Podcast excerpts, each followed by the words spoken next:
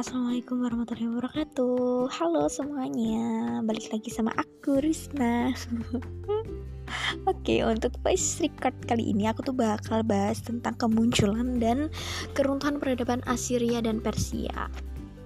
Oke langsung aja ya. Langsung ke Kekaisaran Assyria Sebelumnya tuh teman-teman Pasti udah banyak ya yang tahu Assyria itu letaknya di mana?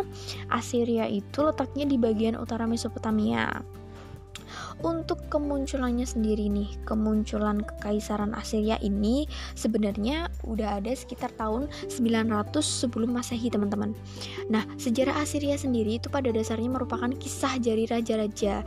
Jadi setiap raja yang menguasai Assyria itu tuh melakukan perang dan melakukan ekspansi ke beberapa wilayah wilayah mulai dari wilayah sekitarnya dan mungkin meluas ya teman-teman uh, contohnya aja ini pada tahun 932 sampai 856 nih Assyria ini berhasil menaklukkan wilayah di sekitarnya contohnya tuh kayak Aramen dan Bit Adini Nah, untuk raja yang paling terkenal dan terbesar itu adalah Raja Sargon II.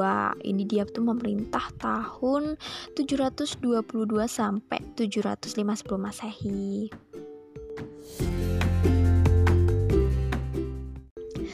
Oke, sekarang kita lanjut ke keruntuhannya nih. Jadi, uh, penyebab keruntuhan kekaisaran Assyria sendiri itu ada dua faktor atau dua penyebab.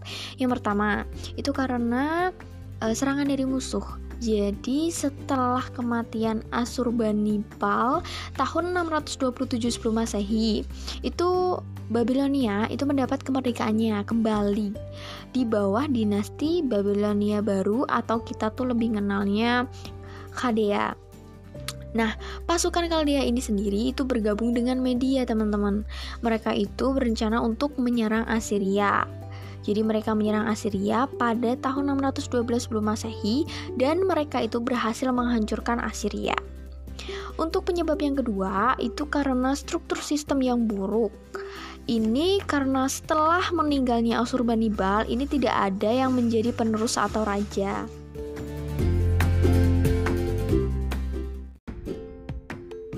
Oke, Assyria selesai, kita lanjut ke Persia untuk kemunculannya nih. Jadi Kekaisaran Persia itu didirikan oleh Cyrus pada tahun 559 sebelum Masehi. Ini pada abad ke-6 ya. Nah, pada abad ini setelah didirikan itu eh, Kekaisaran Persia tuh mampu berekspansi dan mampu menguasai wilayah-wilayah di sekitarnya dengan cepat termasuk Kekaisaran Neo Babilonia. Bayangin ini kekaisaran yang besar banget ya. Nah, setelah itu uh, mereka tuh juga menguasai wilayah-wilayah di sekitarnya secara meluas sampai ke raja-raja berikutnya. Nah, sampai akhirnya pada tahun 530 sebelum Masehi, Persia ini mengalami keruntuhan. Uh, untuk penyebabnya sendiri, ini karena adanya perang Granicus, teman-teman. Jadi, uh, selama masa kekuasaan Raja Darius III ini terjadi perang Granicus dengan Alexander the Great. Ini terjadi pada tahun uh, eh, 334.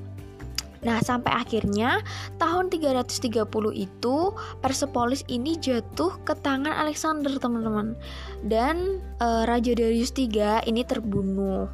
Nah, mulai saat itulah Persia dikuasai oleh Alexander dan Persia ini mengalami keruntuhan.